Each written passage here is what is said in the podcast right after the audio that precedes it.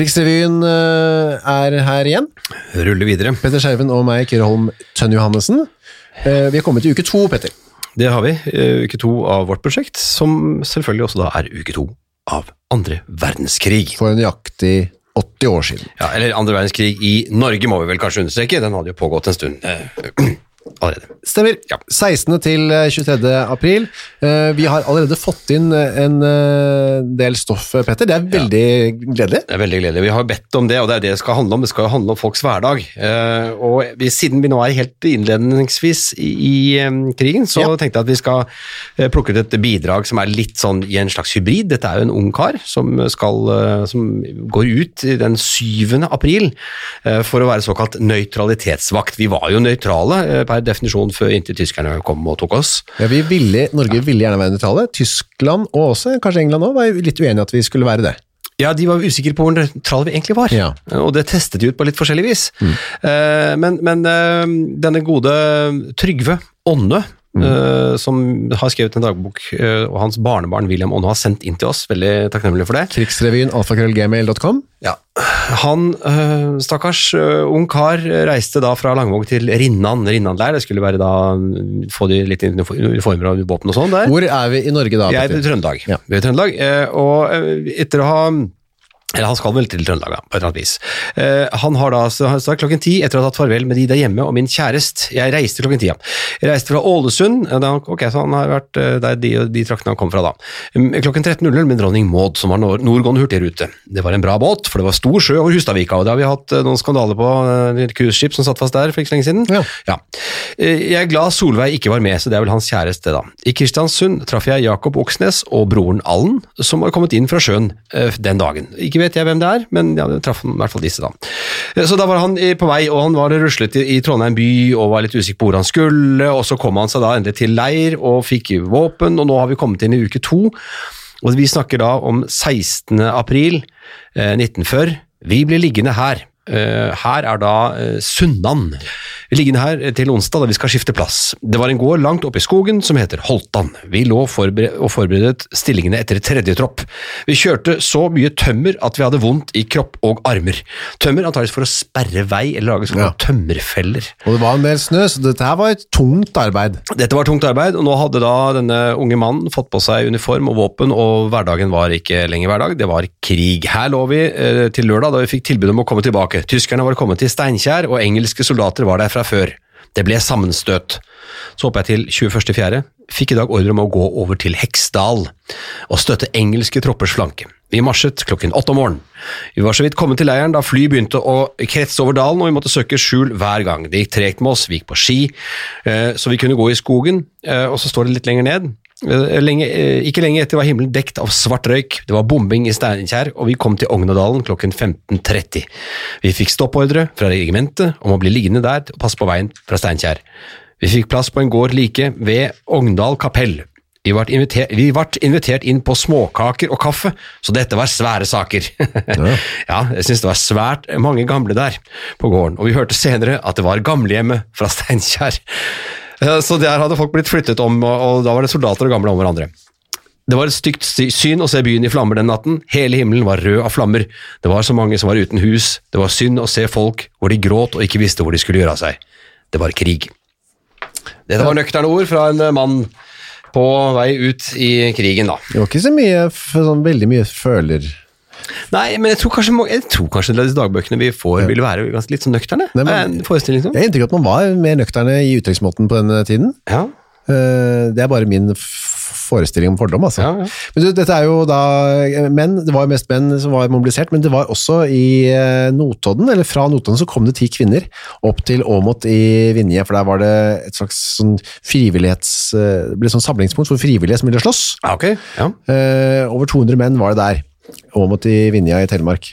Eh, og der kom det ti kvinner fra Notodden som hjalp til. De blir kalt for eh, lotter, da. Ja, for det var, det var vel betegnelsen på kvinnelige soldater? Nei. Ja, noe sånt, ja. Frivillige kvinner som hjalp til på forsvarssaken. Ja, Og de var mm, eh, tradisjonelt, da, kjønnsrollemønsteraktig, ansvarlig for maten Mhm. til disse 200 frivillige. da. Det var interessant, fordi de eh, det bare gøy å se hva de spiste ja. på den tiden. Og det var det de fikk, disse lottene laget, var eh, lapskaus og sviskesuppe, klippfisk og tomatsuppe, kjøtt og flesk og ertesuppe, Mm. seigkaker med surkål og spinatsuppe, okay. småfleskgryte med ris og makaroni og fruktsuppe. mye suppe. Men ja, veldig suppe. Alltid en suppe. Suppe, ja. Men eh, ris og makaroni, så det, bare, det ville jeg tippet var nyere ting. Eksotisk, tror jeg. Ja. Ris og makaroni? Ja, begge deler. Altså pasta på den tiden. Det, det, det visste ikke jeg var såpass eh, altså det, Nei, det så var, gammelt. Altså. det var nesten litt overraskende. Det var egentlig, som det sies her, veldig mye suppe. Dette er fra Engar Sletten Kolloen igjen, da. Vi må ikke falle. eh, under krigen. Eh, de hadde havresuppe til frokost, og aftensmat hadde de risengrynsgrøt. Så, suppe til frokost, eh, mat med suppe, og grøt. kvelds. Ja. Det høres litt godt ut, jeg synes det høres godt ut. Yes, Altså. jeg synes flesk og duppe, var det det?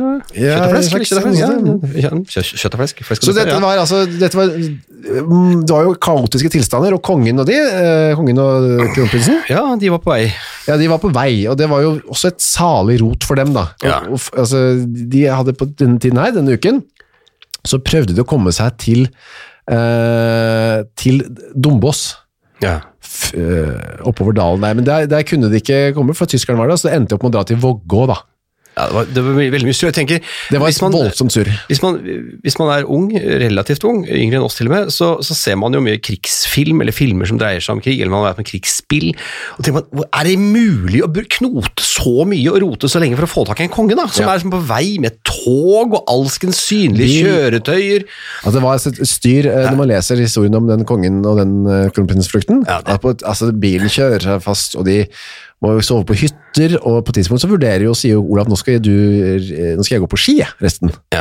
Og det var snakk om at eh, Håkon skulle ta slede. Og de- Om de skulle dra hver for seg, Ja, om de skulle samlet. skulle. Ja, og så var det, var det da sånn at tyskerne hadde jo da gått i land mange steder i Norge, og det var harde kamper i, i Narvik selvfølgelig, som vi, som vi også skal komme tilbake til. Eh, På Ringerike så var det en heltemodig innsats. Rene militære, norske militære, men også sånn frivillige små militærtrupper, altså folk som s- tenkte bare jeg må ta ansvar. Jeg, har god til å skyte elg, og jeg kan skyte med gevær, jeg må, stille opp og holdt stand, og det var regelrett massakre, faktisk. Eh, Og det er ganske grelle scener. Orker vi, orker vi en eh, beretning, eller? Ja. Eh, altså, tyskerne de, de fikk såpass mye motstand. Jeg tror de ble gretne, furtne og, og helt eh, bestialske. Så de, eh, Anne her, eksempel, fikk et gevær presset mot magen og beordret om å snu seg. Hun kunne da føle geværet som ble satt mot ryggen hennes. Sønnene hennes, 16 år gamle Einar Andreas og eh, 15 år gamle Per, ble beordret inn til en vegg. Det samme ble broren Christian og en gårdsarbeider som het Tor Moen. Og Per sto da med hendene foran øynene og var livredd, og Anne kunne ikke gjøre annet enn å stå og se på mens de tyske soldatene fylte guttenes kropper med skudd. Så det var fælt eh, beskrevet. Hun fikk klar beskjed eh, om at hun ikke fikk forlate gården, og måtte tilbringe natten sammen med tyskerne som hadde drept både sønnen og broren, mens likene deres lå ute på gårdsplassen.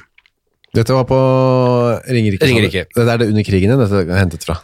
Ja, dette hendte før krigen. Og det, dette, er, dette er liksom eh, Det er den virkeligheten som måte, folk ikke fikk vite så mye om før senere, antageligvis. Ja. Eh, og helt groteske scener. Eh, så var det han Quisling. For i, by, altså byen, I byene så var det jo heldigvis For folk fleste var det jo ikke sånn krigen artet seg. Nei. De møtte jo møtte tyske soldater, men det var ikke mye, det var ikke likvidering hvor en lav sko av vanlige folk, i hvert fall. Heldigvis. Nei, det var ikke det. Så de prøvde jo å få livene til å gå sånn noenlunde eh, som normalt som de kunne. Ja, disse scenene jeg snakket om nå, det er jo tyskerne som prøver å gjøre fremrykninger for å nettopp Ja. få tak i kongen. De var desperate, og de brant ned gård og grunn og drepte folk. Eh, 15. april så ble det, blir det uttalt i Rikskringkastingen av, for vi hørte jo forrige uke at eh, Quisling gikk på lufta, NRK, og sa jeg er eh, regjeringssjef og utenriksminister. Og utenriksminister, ja. Ja. ja. ja. Dette gikk da eh, høyesterettsjustitiarius Paul Berg ut på radioen og sa det gjør, er nå slutt på det. Quislings regjering går til side for en regjeringskommisjon utnevnt av Høyesterett. Og der var det en kommisjon, da, som han kalte det. Ja. En slags midlertidig regjering på en eller annen måte. Eh, Men den ble da godkjent av, av tyskerne. ja, de syntes det var greit. Ja. Eh, Blant annet med statsfysikus Andreas Diesen. Ja, Det, det var han, ja. Men det kan jo ikke han. Nei, det kan ikke- Kan ikke være han. Og hva er en statsfysikus, egentlig? Norsk, var det en vanlig norsk statsfysikus vi snakker om? Jeg er usikker på Jeg, jeg er faktisk usikker, men dette her kommer vi sikkert til å få Nå kommer e-postkassen til å renne over av folk som skal forklare oss hva en statsfysiker Ja, det er jeg ser frem til. Ja. Og så var det også en Og, melding Bare for å si det, det var en dosent der òg. Jeg var dosent også, ja. Jeg er usikker på det En engelsk, så ble det også sendt ut eh, beskjed om at engelske troppestykker hadde nå gått i land i Norge 15. april. Ja. Dette var jo da eh, England og Frankrike som hadde lovet støtte til Norge, Ja. eh, og sendte i land engelske styrker. Og det sto jo ikke noe om, ikke noe om hvor eller hva de skulle, men det de egentlig skulle var da til Narvik, blant annet. da. ja, Åndalsnes kanskje også, og Narvik og en del andre steder. Men, men det, hva ble Quisling, da? Han ble da bare Quisling, Han ble, han ble bare fullmektig. han ble For demobiliseringen? fullmektig for demobiliseringen. Ja. det er riktig, ja. Det er viktig å få med seg at han, var, han påstod Han gikk høyt ut, og så måtte han vel krype litt ned før han eh, fikk lov å fortsette. Og han kommer jo tilbake igjen som noe senere, da, men det er jo et par år til. Og så, så er det denne hverdagen. Nå, har vi vært, var mye, nå var det mye krigens gang her, men vi må tilbake til, eh, til livet til folk. Eh, Vi kan kanskje ta tak i rasjonering, eller? Ja, tilbake til, til, til kjøkken, eh, til, altså spiskammerset. Ja, ja det, blir, det er gjerne der det rasjoneres. Ja. Ja. og man hadde jo spiskammers, jeg husker vi hadde spiskammers eh, der vi bodde på Stabekk. Ja. Det var et eget lite rom, Ja. hvor man hadde tørrvarer, og det luktet godt inn på det spiskammerset. Jeg kan ikke huske at vi hadde spiskammers. Det var mye skapplass. Ja. Men spiskammers, ja. Det var jo det, selvfølgelig var det spiskammers. Ja, jeg, jeg Ja. savner et spiskammers. Ja. Jeg ser for meg at det i hvert fall var spiskammers under krigen. Men hva var det man... Men ordet er jo så fint. Ja, det er det. Spiskammers. Det klinger godt. Ja. Men det var altså rasjonering da krigen brøt ut, uh, Petter, men det ble enda strengere. Ja, fordi, og det her kan vi på en måte gå, vi kan jo kikke litt på de postene som, som dukket opp veldig tidlig, eh, og, og føle litt på oss selv hva vi tenker eh, om vi hadde klart, klart, Ja. det. klart det. Jeg, jeg tenker, eh, Hvis jeg ser på den listen som vi begge har foran oss nå, så, så er det første post som, som er, eh, Den er tung allerede der, ja. det er hardt for meg. Altså. Kaffe, nedsatt, Ja. i utgangspunktet var det ikke så mye, Nei. til 50 gram per uke. Uke. Per Jeg uke. kvernet kaffe i dag tidlig, da brukte jeg 33 gram. Ja, og min- du er sånn som kverner? Jeg kverner selv, Du ja. er en kverner selv, ja. To kopper. Det gjorde de sikkert under krigen òg, vet du. Ja, Ja, hvis de hadde noe, ja, tror du det? Ja de bønner hadde jo kaffekvern, selvfølgelig. De fikk bønner. Ja, hvis de hadde, ja, ja, ja, Ja. Men det er i hvert fall eh, 33, så jeg hadde jo brukt opp uh, mesteparten av min dose. Jeg kunne da ta en litt, uh, altså en kopp i morgen. Til morgenkaffen, liksom. Og så hadde du ventet, måtte vente en, altså kunne halv Uke. kopp i kveld, Ja. eller en halv kopp på lørdag. Ikke i kveld, for da får jeg ikke sove. Nei. Da hadde jeg sikkert ikke fått under krigen. Eller den typen. Men lørdag morgen hadde jeg nok, jeg hadde nok brukt det på én kopp på lørdag, én kopp på søndag. Altså, 50 gram, jeg vet ikke, jeg kjøper jo, jeg kverner ikke selv, jeg kjøper bare posa på, fem, på 500 gram. 500 gram jeg kjøper ja, sånn sånn stor. stor pakke. Ja. Det, det er ikke, det er et par-tre dager, så er det borte. Og det er 500 gram. Ja, ja. Det er tigangeren. Nei, det- den, den hadde vært seig. Hvis noen har, eh, etter hvert så kommer det jo sånn eh, RSATS-kaffe, erstatningskaffe og så videre. Hvis Det, noen det, har det det, blir løsningen til folk. det har jeg lyst til å smake. Erstatningskaffe, Ja. Fra 50-tallet? Nei, fra, fra 40-tallet. Gjerne det, hvis det finnes. Så det hadde, synes jeg, det hadde vært moro å prøve. Og det, var, det, som var, det som var gøy med, med rasjonering, var at folk ble kreative. Uh, og de, eh, når, når, når kaffeerstatning kom, så kan du banne på at det fantes mange forskjellige typer kaffeerstatninger, og Ja. noen hadde sikkert funnet en eller annen genial løsning som gjorde at de smakte omtrent som et slags utkast til kaffe. Syns de selv, i hvert fall. Ja, synes de selv i hvert fall. Så det, var, det er sikkert eh, gøy å se hvis noen har oppskrifter på kaffeerstatning. Mm. Eller Ja. andre sånne erstatningsprodukter, for det ble det jo mye av. Sukker ble også rasjonert, selvfølgelig. 200 gram per uke. Hadde det funka for deg?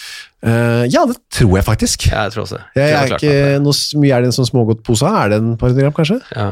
Jeg spiser nesten ikke godteri. Jeg er lørdagsgodtmann, jeg, så det Ja, det hadde gått greit. Du kjører lø- lørdagsgodt? Kjør, begynn på det. Ja, ja. Margarin. Eh, og det er da 500 gram per person for resten av april måned. Det var da to uker igjen av april måned. da. 500 gram per person. 500 Er ikke det ganske mye? Ja? Det er en, sånn, en pakke med bremyk, det. Ja, Det er 400 gram. Det spørs om hva man bruker til stekefett og sånt. da. Ja, ja likevel. Ja, Det er ikke det jeg hørte sånn shit, så lite. Ja. Bortsett fra at jeg ikke er noe glad i margarin. da. Jeg syns jo smør er bedre. Men. Ja, Det er kanskje ikke under samme. Mel. Mhm. Fem kilo per person i måneden. Men altså, Ja, tar man, da får man ikke kjøpt brød? Nei, det er det, vet du. Det er det. Da må alt skje på egen, på egen hånd. Mm, Så det er det klart det det kan være Altså, likevel så får jeg ikke sånn Eneste jeg får litt sånn uh, åndenøde, er tanke på den kaffen. Foreløpig. ja, altså, Kaffen hadde vært veldig vanskelig. Uh, bare den den tiden vi har sittet her i studio nå, så har vi jo konsumert 50 gram Ja, hver. det var jo kvote. Minst. Ja, minst, minst, minst, minst. Ok, vi må, vi må se ut i, ut i Ikke ut i verden, for vi skal se bare rett og slett ut i nasjonen. Er det andre nyheter, andre ting vi kan ta tak i denne uken? Hva, hva skjer? Hva får folk oppleve? Hva jo- får de høre om? Det er jo sånn på nyhetene nå at det er korona, korona, korona, korona, Mm. korona. Bare det! Ja, og så er det kanskje og av andre nyheter kan vi nevne at, så er det kanskje én setning på slutten. Ja. Og, uh, vi kan se for oss at det var sånn på den tiden nå. Mye krig. Ja. Men uh, det har skjedd andre ting òg. For eksempel eh, skjedde det faktisk da veldig lite ja. i forbryterverden. Det står her at denne uken ble rapportert fra kriminalpolitiet at det nesten ikke var anmeldt noen forbrytelser etter at tyskeren hadde okkupert landet. Det ser nærmest ut som også vårt klientell, altså det, det må jo da være skurkene, da, Ja, det, har funnet har, har funnet og burde stille seg lojalt i disse tider. Ja, Det kommenterer da en politifullmektig i Aker. Det er han godeste Kaltenborn. Men det kan også være en forklaring at folk i disse tider har andre ting å tenke på enn å anmelde mindre vesentlige forbrytelser enn de har vært utsatt for. ja, en slags blanding. Kanskje. Jeg eh, er jo litt eh, spent på det der sjøl. Er det sånn at man da Altså, i våre dager, da. Ja. eh, Er det, er det rolig på jeg, jeg, jeg, jeg, hører litt lite om det. Ja, folk bor jo hjemme, er jo hjemme mine nå, så Ja, er men litt, det er jo da- lite færre muligheter. Ja. Lettere å stjele biler kanskje og bryte inn i butikken, vil jeg tro. da. Ja. Uh, det er- ja, ja, nei, det, det skulle jeg likt å høre litt mer om ja, hvordan det er i våre dager. Men altså, lite, forbryterne var enten lojale, eller så gadd ikke folk anmelde. Det ble rolige tider, i hvert fall. Ja, det er på en måte godt, da.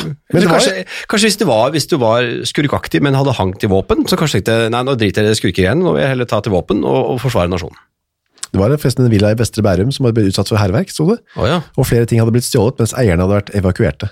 Aha. Det var sikkert under denne panikkdagen. Dette. Så kom de hjem, og nei, her er villaen vår tømt. Du på, hvis du tenker på vår egen villa, altså der er villa Ja. jeg bor i, der bodde det jo jøder Ja, eh, som måtte rømme landet, og da kom tyskerne og røvet eh, boligen. ja de tok selve tok- boligen. Ja. De tok selve boligen, Ja. Så det var mange former for- former for forbrytelser. ja, der hvor du bor nå. Ja. Men eh, har du Du har jo vært inne på det litt, men har, er det mange fysiske eh, gjentrykk fra den tiden? Artig at du bruker ordet trykk, fordi ja. det finnes fortsatt en del sånne rester etter lakkseil nede i kjelleren. Eh, Da hadde de laget våpen om til sånn våpenskap, eller laget skapene om til våpenskap, Ja. og forseglet disse med sånne laksseil. vet du, sånn du tar sånn, varmer opp sånn uh, gugge, Ja. og så smekk på den, og så har de en sånn tynn metallsnor som går over til selve døren, og så tar de en sånn gugge der også. Så hvis du da åpner døren, så bryter du dette seilet. da. Riktig, ja. Så det er det rester av i kjelleren. ja. Med hakekors og det hele, så det går vi og ser på da, vet du, innimellom og koser oss. Ha. Har du funnet noe, ikke funnet noe hemmelig rom videre? Nei, nei, nei, ikke noe, hemmelig rom. bunkers. Men jeg har ikke lett veldig etter heller. så- For det hadde jeg gjort hvis jeg ja, var vet deg. du hva, det skal jeg gjøre. Kan du ikke gjøre det? Si ifra fra hvis du finner noe. Jeg skal gjøre det. Det var eh, ikke bare altså Folk var snille på andre måter òg, Ja. ikke være forbrytere. Det var eh, en em, Det var jo studenter Ja, eh, som studerte hjemmefra. De var eh, mistet plutselig pengen. Pengene sine. Den ene pengen de hadde. ja, pengene var tom. Ja. Og da eh, var det vanskelig å oppnå kontakt via telefon, står det. Altså Ja, dette var, det er rikstelefon sikkert, vet du. Ja, det var altså studenter som bodde for eksempel i Oslo og studerte, og så kom det ikke penger hjemmefra lenger, Nei. og så fikk de ikke heller tak i folk på telefonen, mamma og pappa. Hva gjør man da? Man har, det, man har det fælt, og da var det en anonym giver fra Oslo som hadde donert 1000 kroner Oi. til universitetet for å hjelpe de som var i nød. Ja. Det var sikkert masse på den tiden. 1000 kroner var veldig mye på den tiden. Og Vi kan også da tilføye at, at eh, Danmark fikk ny prinsesse, prinsesse 16 april, rett og slett. Og Det er jo også nåværende dronning Margrethe. Ja! Ja. Det må vi få med oss. Gratulerer med dagen. Ja, gratulerer med dagen. Eh, folk lot seg adsprede fremdeles også, Petter. Det var ikke bare eh, altså, krig og stoff om krigen. Og Artig du sier stoff. Ja, det er Du tenker på, du tenker på motebildet? Ja, det tenkte jeg på nå. Ja, ja. Enkelthet, eh, enkelhet er vårens parole, het det. Altså, Ja da. ja. Eh, klærne skal være grå denne høsten, står det da, men da er man altså tidlig ute, da. Nå ser du Aftenposten. Ja. Ja. Eh, skal vi se, en blør nyse, Altså, blør betyr vel en slags sånn en, en, en, Hva betyr en blør? Altså, altså blurry betyr vel sånn det er, vel Er det ikke noe sånn, sånn, sånn en, en tone, eller riktig, en, en form for en sjattering, kanskje? Altså- en gråtone tonesjattering, kanskje? Ja, en blør? en blør lysegrå nyanse som står til hvitt og alle slags pastellfarger. Oi. Det er jo, høres ikke helt fremmed ut for våre dagers uh, mote heller. Nei, nei, nei, nei, nei? De nevner også, altså av moteriktige farger, grå, grågrønt, sandfarge, Mhm. lindegrønt og sennepsgul som en del av vårens palett. Ja.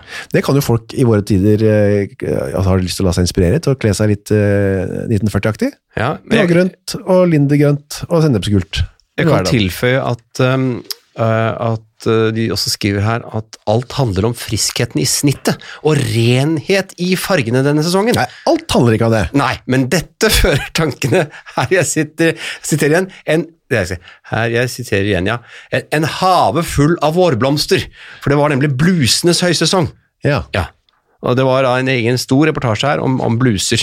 Og at i Paris har vært lansert så mange, som, eh, mange og rikt varierte bluser som 90% av dem er kortermede. Vi kan nevne noen av dem. Ja. Altså type bluser. Ja. Japatou, Chiaparellis, Watt, Magerouf, Rosivien, Paquet og mållinje. det, dette er ting som fort har gått, dette har gått i glemmeboken. vet du. Ja, i hvert fall for de fleste Ja, av for det. Det er veldig greit å friske opp igjen. Men så skjedde også ting på revyfronten. Ja. Eh, folk skulle faktisk også kunne forlystes, eh, og, og 17. april eh, så Se her, ja. Men fortsett. Nå, nå fortsett. jeg fortsette. 17. april så åpner altså da revyteatret Chat Noir opp igjen eh, med en revy som het Kom til Chat Noir. Noir. Ah.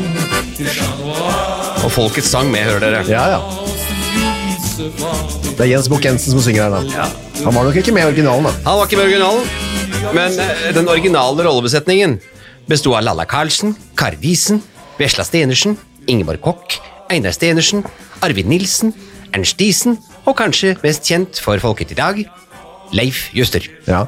Men du, Disen-navnet, ikke bare var det to Disener her i denne oppsetningen, det var også denne statsfysikusen Andreas Disen Ja. i den nye kommisjonen. Ja, så Disen hadde Det, de hadde grep om det meste her. Ja, absolutt. absolutt. Av hensyn til mørkleggingen så begynte denne forestillingen klokka 19. Det varte et par timer, så folk kunne komme seg hjem mens det fremdeles var lyst ute. Ja. Fordi det var jo eh, mørkt og blendet, så det var jo stappmørkt på når det først ble Ja, og hvis du kjørte automobil, så måtte, fikk du jo pålegg om å sette på sånne blendingslyktkopper, Ja. som bare ga sånn tynn strime med lys ut, og det var mye kalving, rett og slett mye, mye bulking. Siden det fremdeles var en del kinoer som holdt stengt, så var det bare én eh, kinopremiere i Oslo denne uken, og Ja. det var ikke en, eh, kanskje uventet, en tysk film, eh, Petter. Ja, det var det var, det var Kete Dorsch som hadde hovedrollen, Ja. Og den het En mors kjærlighet, eller Eine Mottas Amor, nei, hva er det? Liebe. Liebe, ja. Filmen er en hverdagshistorie om en alenemor som må oppdra og sørge for fire barn. Det blir gleder og sorger fra barna er små, til de selv sitter med familie og barn. Ikke sant. Jeg syns Arbeiderbladet hadde en god uh, anmeldelse her, Ja. om Kete Dosh. Litt støyende kanskje, men ellers helt naturlig. Men så uh, må vi ta en runde før vi skal ikke gi oss helt ennå, men vi må, vi må ta, gå gjennom med det radioprogrammet for uken. eh, og nå er det klart at Hva? Ikke hele uken, Nei, ikke ikke hele uken, men vi tar 17. april, da, Ja. og da er det helt åpenbart at tyskerne har her har det skjedd ting.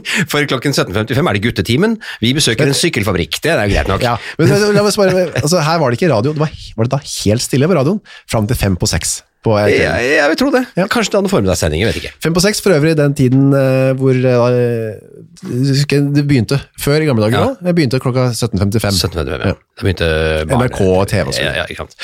Så 1815. Tyskundervisning med lektor Håkon Vigander. Tyskundervisning kom der med en gang. Veldig relevant. Ja, og noe også selvfølgelig veldig relevant, eh, det var 1915. Der kom militærkronikken med oberstløytnant Arun Rørholt. Jeg skulle gjerne hørt litt på den militærkronikken. Ja. Og så litt pust i bakken. Ja. 1945.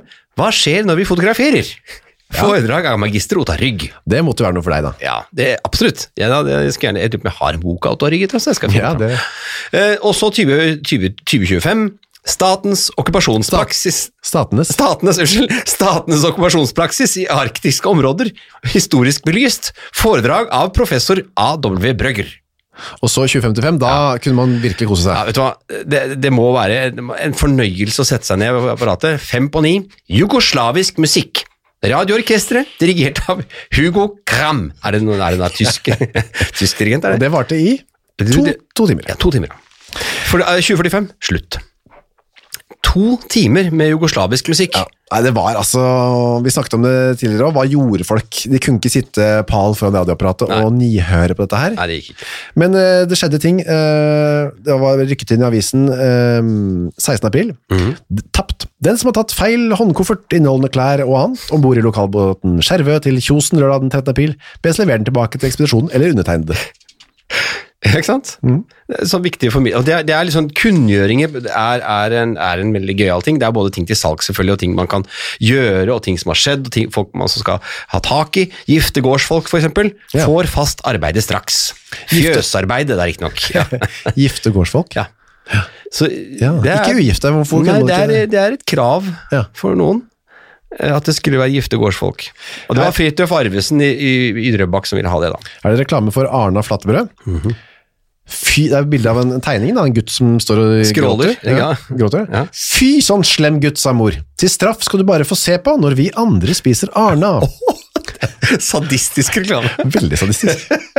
Ja, Det er jo en fornøyelse, og det skal vi få gjøre videre. Altså, se, det er altså så mye gøye reklamer og mye gøye annonser og artikler.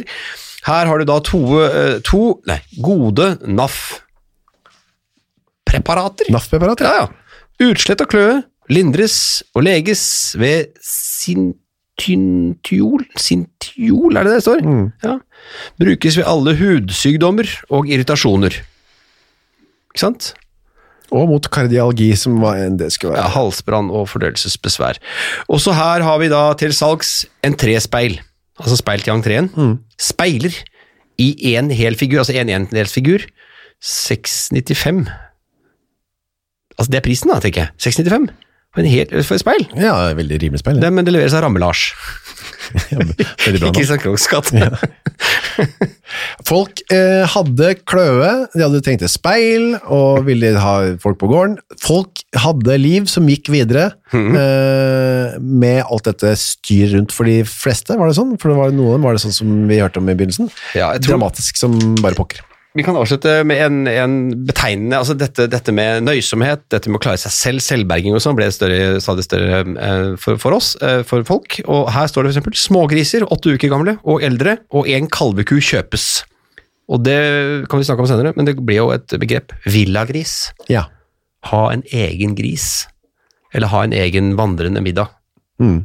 Eh, ble viktig for folk. Det her var det noen som var framsynt og var tidlig ute. Ja. For folk hadde ikke helt vent seg til tanke på at dette skulle vare en stund helt ennå. Nei, ikke helt. Vi er tilbake igjen om en uke, vi, og fortsett å sende inn hvis dere har materiale altså, som vi kan eh, formidle her. Annonser, aviser, dagbøker, brev. Hva som helst. eh, Til krigsrevyen, alfakrøllgmail.com, eller på Facebook-sida hvor vi bare heter Krigsrevyen. Snakkes om en ukes tid, da. Vi gjør det!